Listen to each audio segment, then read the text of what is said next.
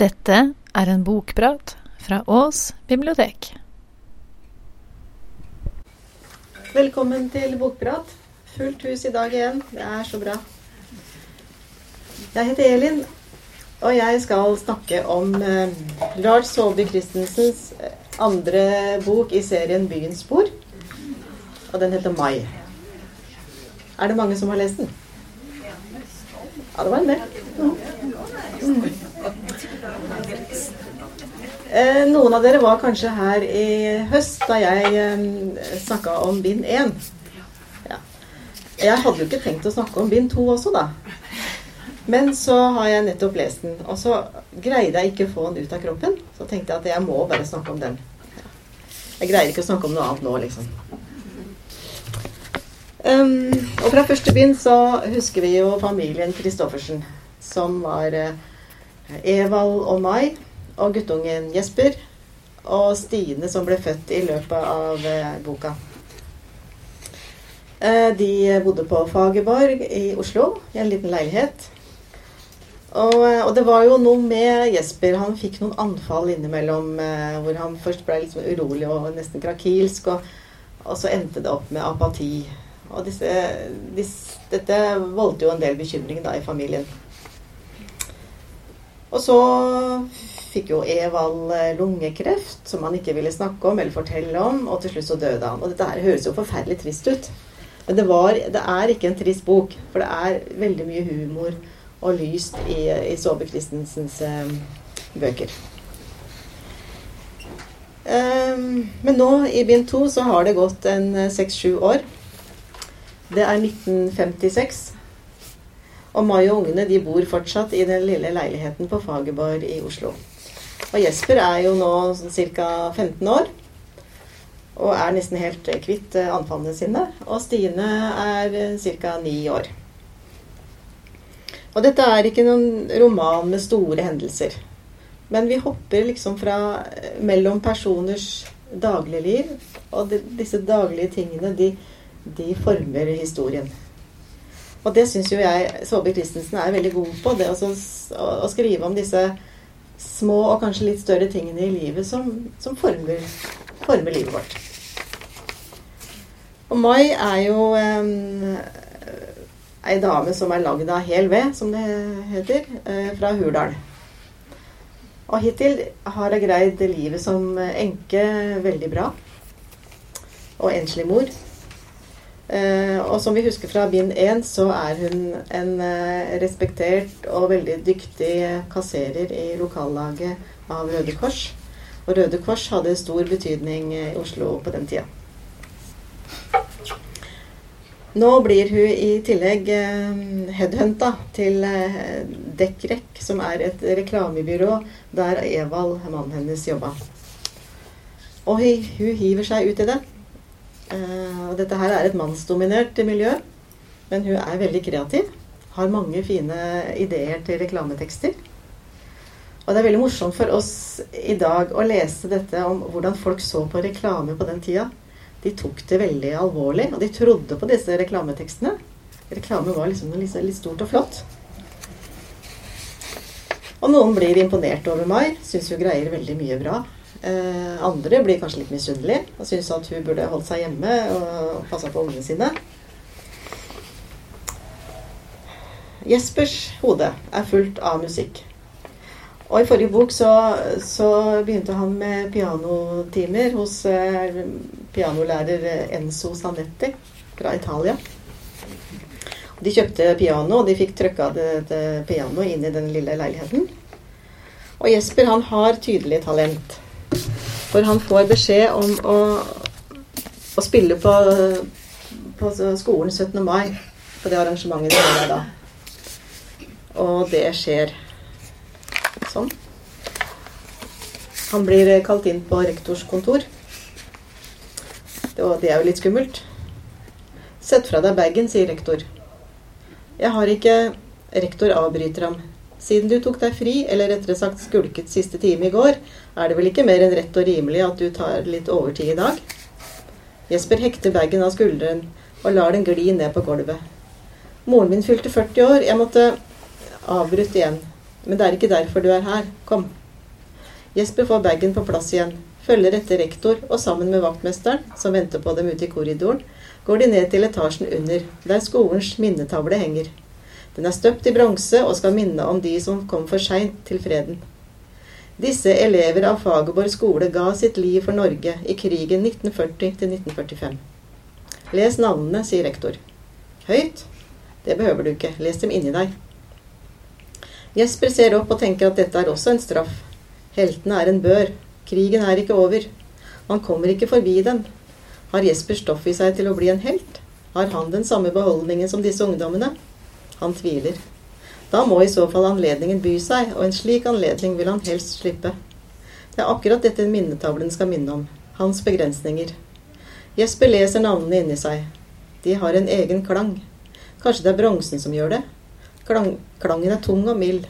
Den er avbrutt og likevel evig. Derfor er den umulig. Ja, så kommer det en lang, lang rekke med navn som jeg ikke leser opp. Så blir det stille, selv om ingen har sagt noe. Rektor legger hånden på Jespers skulder og en uventet, nesten uhørt berøring. Hver 17. mai har russen kransenedleggelse her, sier han. Jesper nikker og skulle ønske at rektor flyttet hånden. Vaktmesteren finner fram en fille, spytter på den og gnir vekk en flekk fra bronsen. Rektor fortsetter. Og etterpå er det en tilstelning i gymsalen. Det kjenner du kanskje til? Eh, jo. Elever som har gjort seg bemerket, har lest dikt, sunget eller holdt taler. Denne gangen vil vi at du skal spille piano. Jesper rekker ikke å bli forbløffet. Han har mer enn nok med denne hånden på skulderen. Rektors hånd, som er forpliktende, en frivillig kommando. Jeg? Det vet jeg ikke. Jeg Vi har hørt du er god nok. Har dere hørt meg? Personer vi stoler på, har hørt deg. Hvem da? Og vi vil helst at du spiller noe norsk.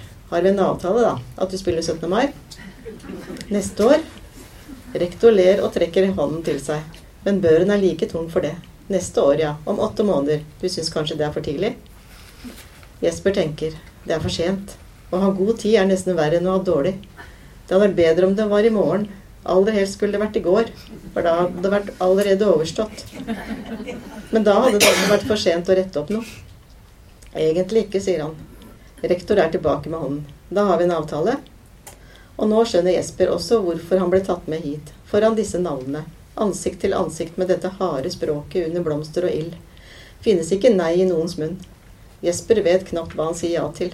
Han vet bare at han må si ja. Ja, Jesper får endelig gå. På vei mot porten ser han en ball som nærmer seg. Det er en suser. Det er en suser som ligner en kanonkule av lær og luft. Den er nesten vakker, der den spinner rundt seg selv, vakker og farlig. Men Jesper dukker ikke, han bare løfter armen i det samme og møter ballen, som i neste øyeblikk sitter klistret mellom fingrene hans i et ømt og fast grep. Så pælmer han den tilbake til gymnasiastene, som roper noe etter ham, men Jesper bryr seg ikke. Han går hjem. Stine sitter i spisestuen og gjør lekser. Hvordan skal han få øve når rommet er opptatt? Han kan ikke øve hvis han ikke får være alene. Han er aldri alene. Kanskje det er en idé å flytte pianoet opp på loftet likevel? Vil du hjelpe meg? spør Stine. Jesper setter seg hos henne. Men hva da? Jeg klarer ikke R. Hvilken? R. R? Har du kommet til R allerede? Jeg klarer ikke si den. Snart er det du som hjelper meg med leksene. Jeg klarer ikke si R, gjentar Stine. Få høre. Hun lager en lyd som minner mer om en L. Du må ha tunga rett i munnen, sier Jesper. Hun prøver en gang til. Nå blir det mest visling som ikke ligner noe tegn i alfabetet. Det hører hjemme i dyreriket, blant slanger. Jesper sukker. Men du må ikke bite av deg tunga heller. Stine er på gråten. Jeg greier det aldri. Hva så? Det er bare en bokstav. Det er haugevis av andre.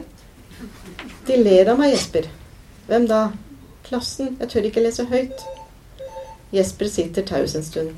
Hva så? Hvis en F på pianoet er falsk, ville han sagt hva så da? Ville han ha sagt at man pent må klare seg med de andre tonene?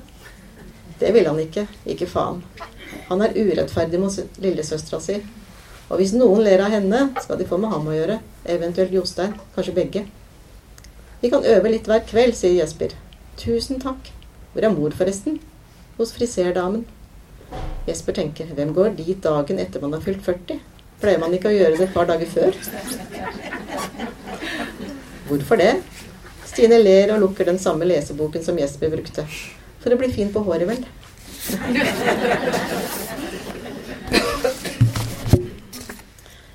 Ja, og talen som skal holdes 17. Eh, mai, da, om åtte måneder, er det Trude eh, som skal holde, og det er jente i samme klassen som Jesper.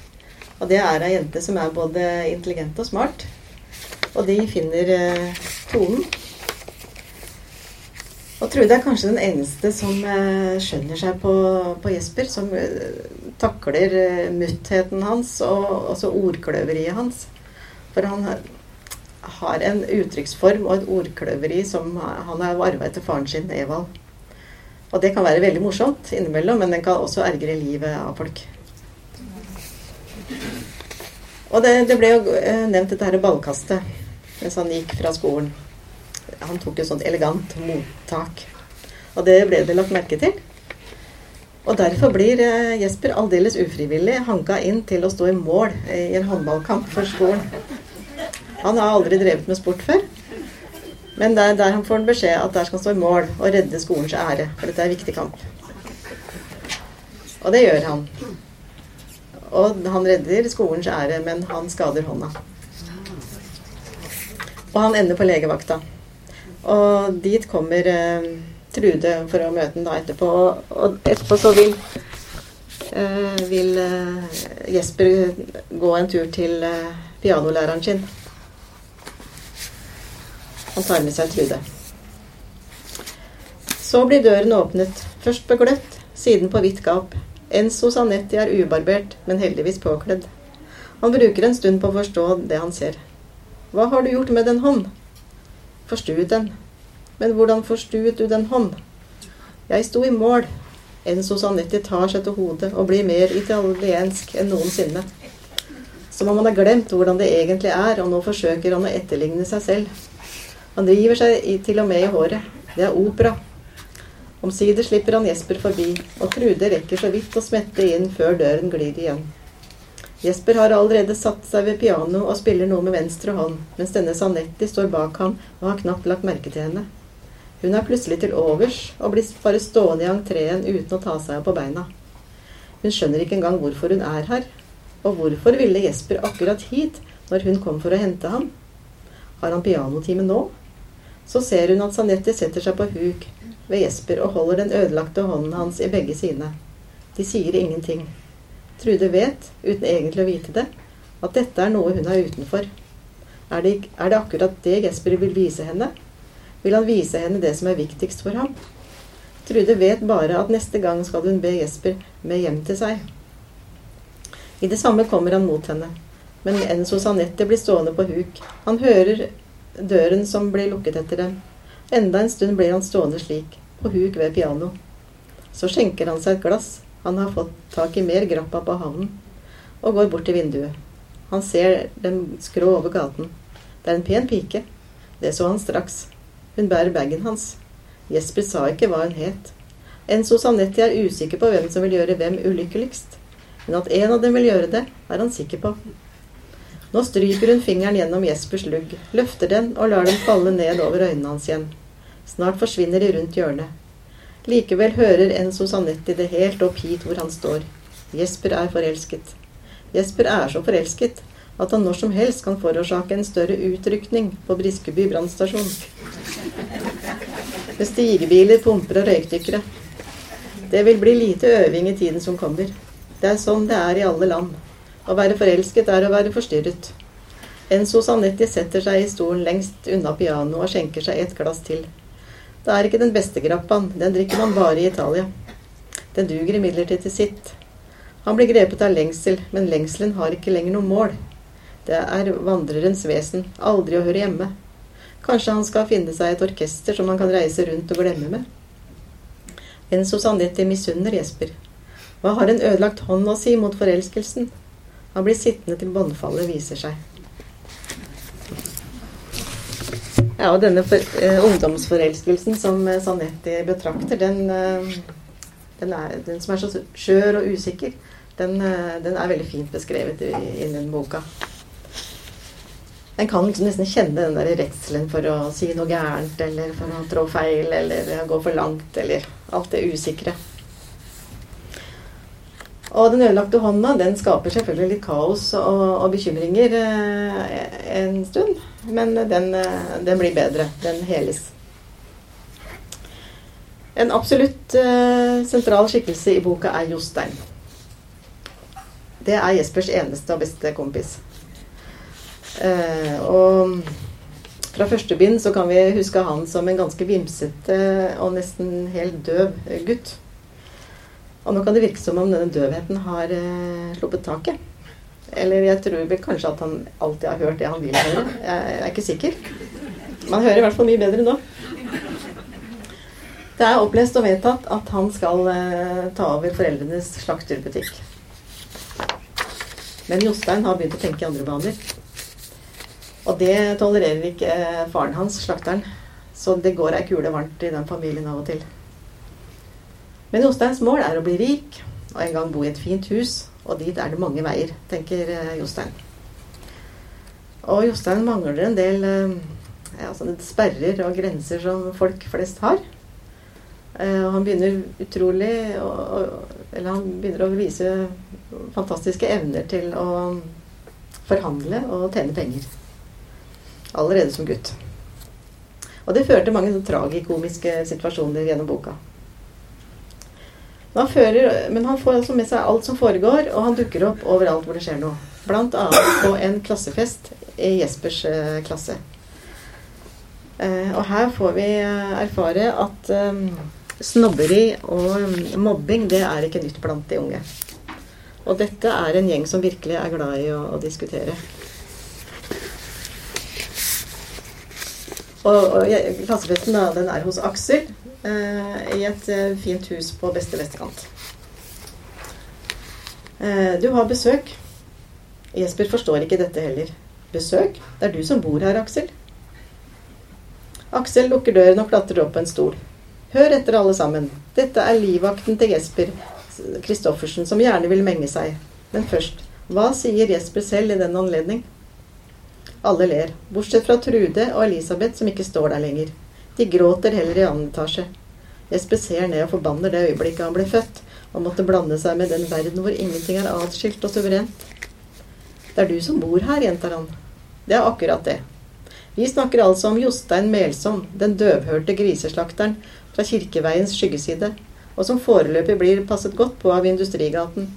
Men i og med at vi er siviliserte germanere, frilynte og glade, syns jeg at vi skal veie for og imot om han skal sendes bort eller slippes inn. Ordet er fritt.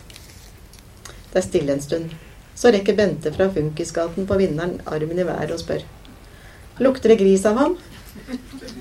Pikene grøsser. Aksel ler. Så intim har jeg heldigvis ikke vært, Bente. Jeg sender derfor spørsmålet videre til en som står ham nærmere. Hvorfor kommer ikke Trude ned igjen? Hva holder hun og Elisabeth egentlig på med? Er det noe å gråte for? Uh, Jostein er veldig renslig etter arbeidstid, sier Jesper. Bengt Ove fra Gaustadalleen mener man bør argumentere matematisk. Vi er allerede flest gutter. Noen av pikene ler. Og hva så? Bengt Ove rydmer og melder seg ut av diskusjonen med et sugerør. Reidar, som er den stolte eier av en moped, og derfor verdt å lytte til, blir prinsipiell i ansiktet. Jostein Melsom går ikke klassen vår, hva om Jostein hadde vært en ungarsk flyktning? Det er Trude som spør. Hun står midt i trappen sammen med Elisabeth, som er rammet av akutt svartedød. Øyebrynene renner over ansiktet hennes. Reidar på sin side rammes av akutt sinnsforvirring og ser seg rundt etter førstehjelp. Jeg har moped, sier han. Trude ler. Du har ikke lov til å kjøre den ennå. Aksel klapper i hendene. Vi må be Trude utdype sin uttalelse. I og med at Slakter-Jostein beviselig ikke er en flyktning, heller ikke ungarsk, men født og oppvokst på Majorstua i en delvis møblert leilighet. Trude lener seg over gelenderet. Jeg regner med at alle her har lest Stefan Schweigs 'Verden av i går', men, likevel, men vil likevel gjenta hans hovedpoeng om, at, om flyktningenes status. Han skriver at én flyktning er en venn, ti er gjestfrihet, og 100 flyktninger er politikk. Med andre ord, Jostein kommer alene og er en venn som vi skal slippe inn. Aksel stønner. Men vi har jo allerede slått fast at vi ikke har en med flyktning å gjøre. Altså er Stefan Zweigs argumentasjon ugyldig i denne sammenhengen. Trude vil ikke gi seg. Jeg snakker ikke om flyktning i juridisk forstand, men i overført betydning. Jostein Bengt Ove har fattet mot i mellomtiden og avbryter. Overført betydning? Trude mener med andre ord ikke det hun sier. Jeg mener bare at Jostein har gått hele veien opp hit alene. Han kan like gjerne ha tatt banen. Guttene ler. Trude peker på Bengt Ove. Så har han tatt banen da, din kverulant. Kanskje han har sneket til og med. Poenget er at han er alene, og vi skal behandle ham som en venn. Bengt Ove har blod på tann og mener åpenbart at han sitter med en vinner. Poenget er til syvende og sist om denne Jostein hører hjemme her. Det er tilløp til buing, men hvem som er for eller mot, er ikke, er ikke like godt å si.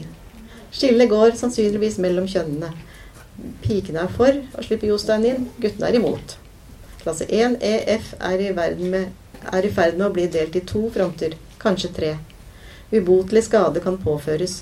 Samholdet står i fare. Klassens humanistiske kapital kan smuldre bort i smålige hensyn og misforståelser, altså vekslepenger. Rettferdighet er en vanskelig greie når det er klassefest.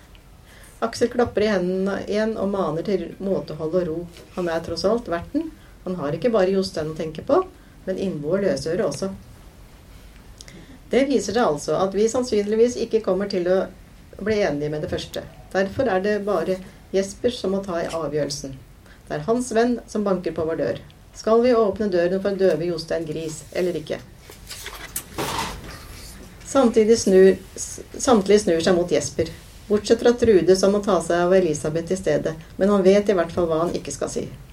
Før han får sagt det, blir imidlertid døren åpnet, og der står Jostein i gul skjorte og blå pullover og ligner en skakkjørt svenske. Rune rister på hodet. Det gjør Halvor og Ulrik også. Alle rister i grunnen på hodet.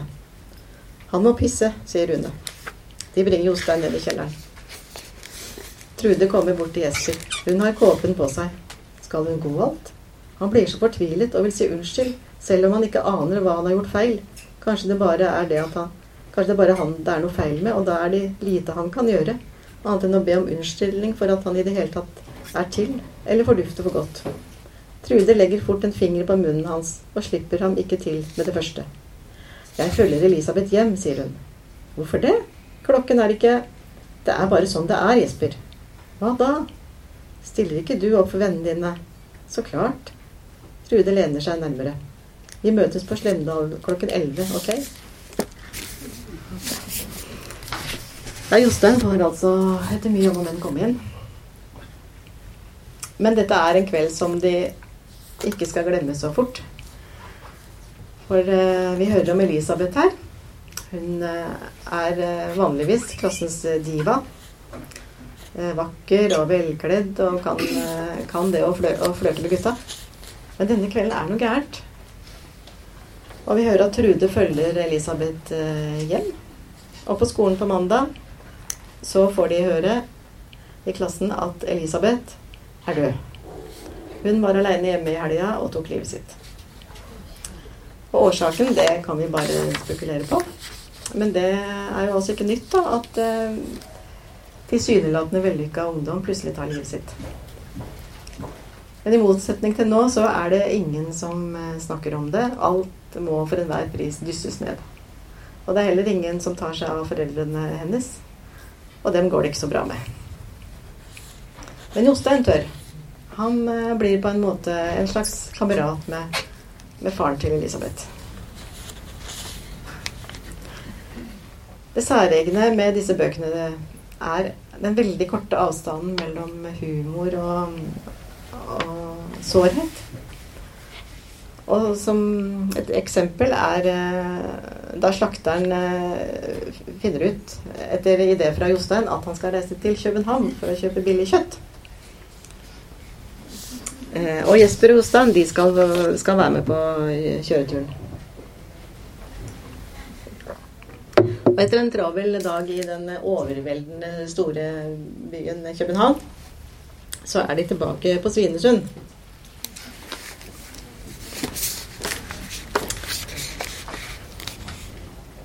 Dere sier ikke et ord hvis vi blir stanset på grensen. Er det forstått? Guttene nikker. Ikke et kløyva ord gjentar Melsom. Hvorfor skulle vi bli stanset, spør Jostein. Fordi tollerne tar stikkprøver. Vi blir etter all sannsynligvis ikke stanset. Men hvis vi blir det, skal dere altså ikke si noe. Heller ikke hvis dere blir spurt. Overlat det til meg. Og det er også viktig at dere virker naturlige. Jesper lener seg fram mellom setene. Naturlig, Melsom? Slakteren begynner å bli sliten. Ja, dere skal rett og slett være som vanlig. Tenk dere at vi har vært på en liten sommertur til København. Jostein ser lenge på faren. Har vi ikke det, da? Det er nettopp det vi har. Slakter Melsom løfter hånden i en kameratslig og jevnbyrdig hilsen som gjør inntrykk på guttene. Alle for én og én for alle. Jesper lener seg bakover i setet og lukker øynene. Jostein trekker pusten og holder den. Melsom kjører så sakte det siste stykket at det, ak det er akkurat som om fedrelandet forsvinner i det fjerne. Til slutt står de i kø. Tollerne tar en Opel til side. De rykker fram. Tollerne lar en folkevogn passere. De rykker fram. Dere kjøpte ikke noe, spør Melsom. Jostein rister på hodet og holder fremdeles pusten. Melsom ruller ned vinduet og gir passet til tolleren, som ser fort i det og leverer det tilbake mens han kaster et blikk inn i bilen. Og du har ingenting å fortolle? Ingenting, bare guttene. Melsom ler godt og ruller opp vinduet når tolleren vinker ham videre. I det samme slipper Jostein pusten ut. Det lyder som en lykkelig dommedag. Og Melsom rekker ikke å få forhjulene over i Norge før tolleren vinker igjen. Men denne gangen er det tilbake. Tolleren lener seg nærmere. Hva sa du? Melsom stiller rett fram. Jeg? Jeg sa ingenting. Var det noen andre som sa noe, da? Det kan være sønnen min. Han sier så mye rart. Han skadet horseren i en forferdelig ulykke for noen år siden. Tolleren kikker først på Jesper, så på Jostein, men han har egentlig øynene festet på Melsom hele tiden. Da spør jeg deg en gang til om du har noe å fortolle. Nei, hvis ikke guttene har tatt med seg et eller annet, men det har de ikke. Jeg stoler fullt og fast på dem. Slå av motoren. Slå av? Bare gjør som jeg sier. Det har jeg da gjort hele tiden. Og du får én sjanse til. Har du noe å fortelle? Melsom slår av motoren. Det blir så stille, altfor stille, og alle ser ned. Det er like før kupeen koker over. Jostein får en forferdelig tanke. Faren hans har pissa på seg. Og aldri har han vært gladere i faren sin enn akkurat nå. Kanskje litt, sier Melsom. Tolleren beordrer alle ut av bilen og ber Melsom åpne bagasjerommet. Han gjør det. Tolleren ber Melsom fjerne pleddet. Han gjør det. Melsom kan slutte som slakter og begynne som tryllekunstner. Under pleddet står det ikke bare én kasse, men tre. Tolleren tilkaller forsterkninger. De brekker av lokket på den største kassen. I den er det 180 bokser med dansk hermetikk, svinekam. I den neste kassen er det 19 kilo mørbrad pakket i plast. I den siste kassen er det to flasker kirsebærlikør, en Aalborg akevitt, en kartong Polmol og en stabel med kongelig dansk sjokolade. Det er bare å forsyne seg, sier Melsom. Dette faller heller ikke i god jord. Tollerne bærer kassene inn på kontoret, og Melsom må bli med. Jostein og Jesper får vente.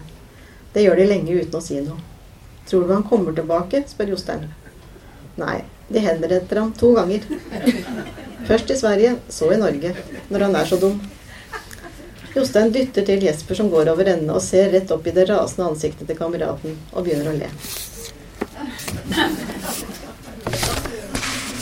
Ja, det er jo ganske tragikomisk. Vi hører mye om eh, Jesper eh, og Jostein. Men det er jo Mai som er bokas tittel.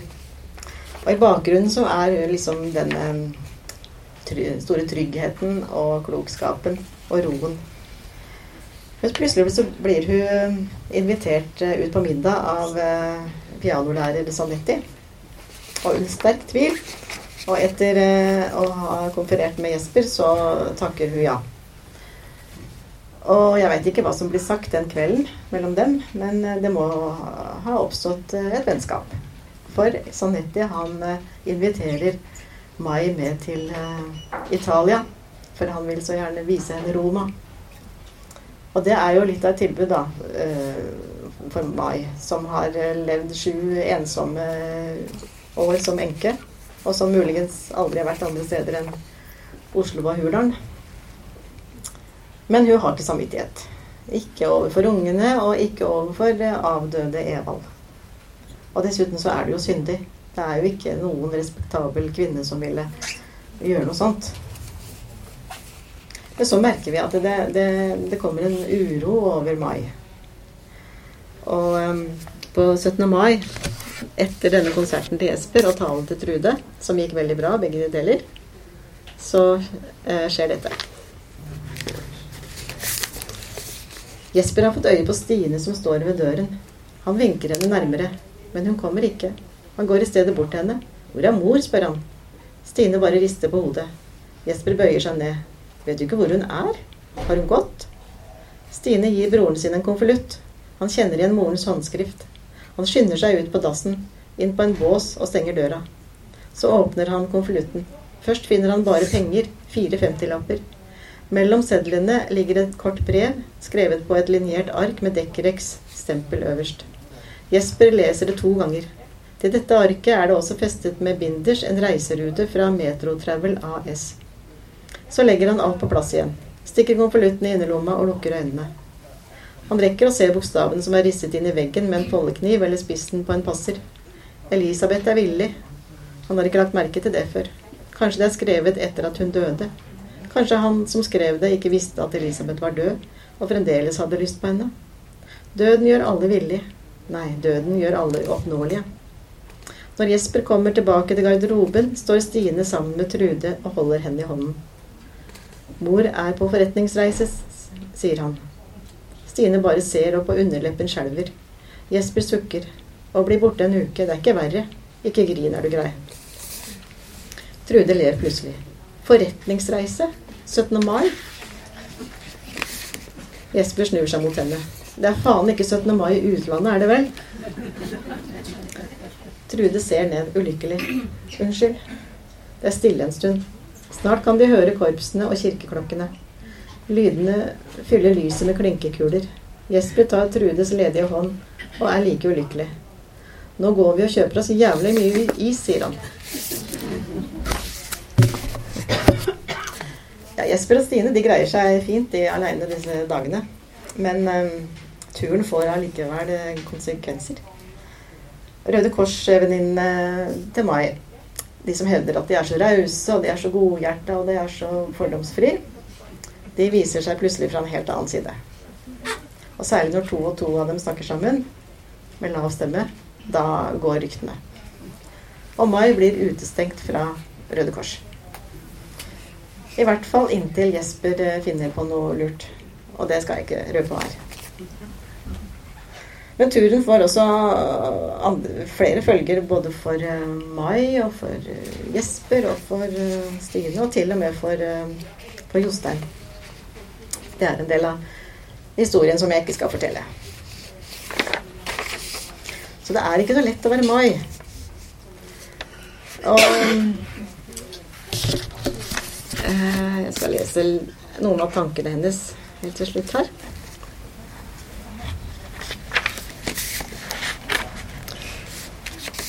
Mai blir sittende ved kjøkkenbordet.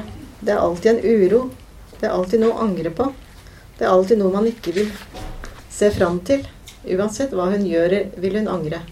Er det mulig å gjøre noe godt igjen? Gjøre noe, så, gjøre noe som er så godt at alt blir som før? Hvordan gjør man det? Hvordan reparerer man det som er i stykker i et menneske? For noe er i stykker i Mai. Hun har fått en brist i sinnet. En råte i hjertet som sprer seg, ikke bare i henne, men også i de som står henne nærmest. Jesper og Stine. Slik føles det. Hun lukker øynene. Ja. Disse vemodige tankene så har jeg ikke tenkt å fortelle mer om boka. Men jeg gleder meg avsindig til eh, tredje bind kommer. For jeg er så spent på hvordan det går med disse, disse menneskene som jeg er blitt så glad i. Og jeg syns han skriver så veldig godt. Han har, eh, han, så har et spennende språk. Og han gjør noen sånne knep som holder oss fast. Så les bøkene.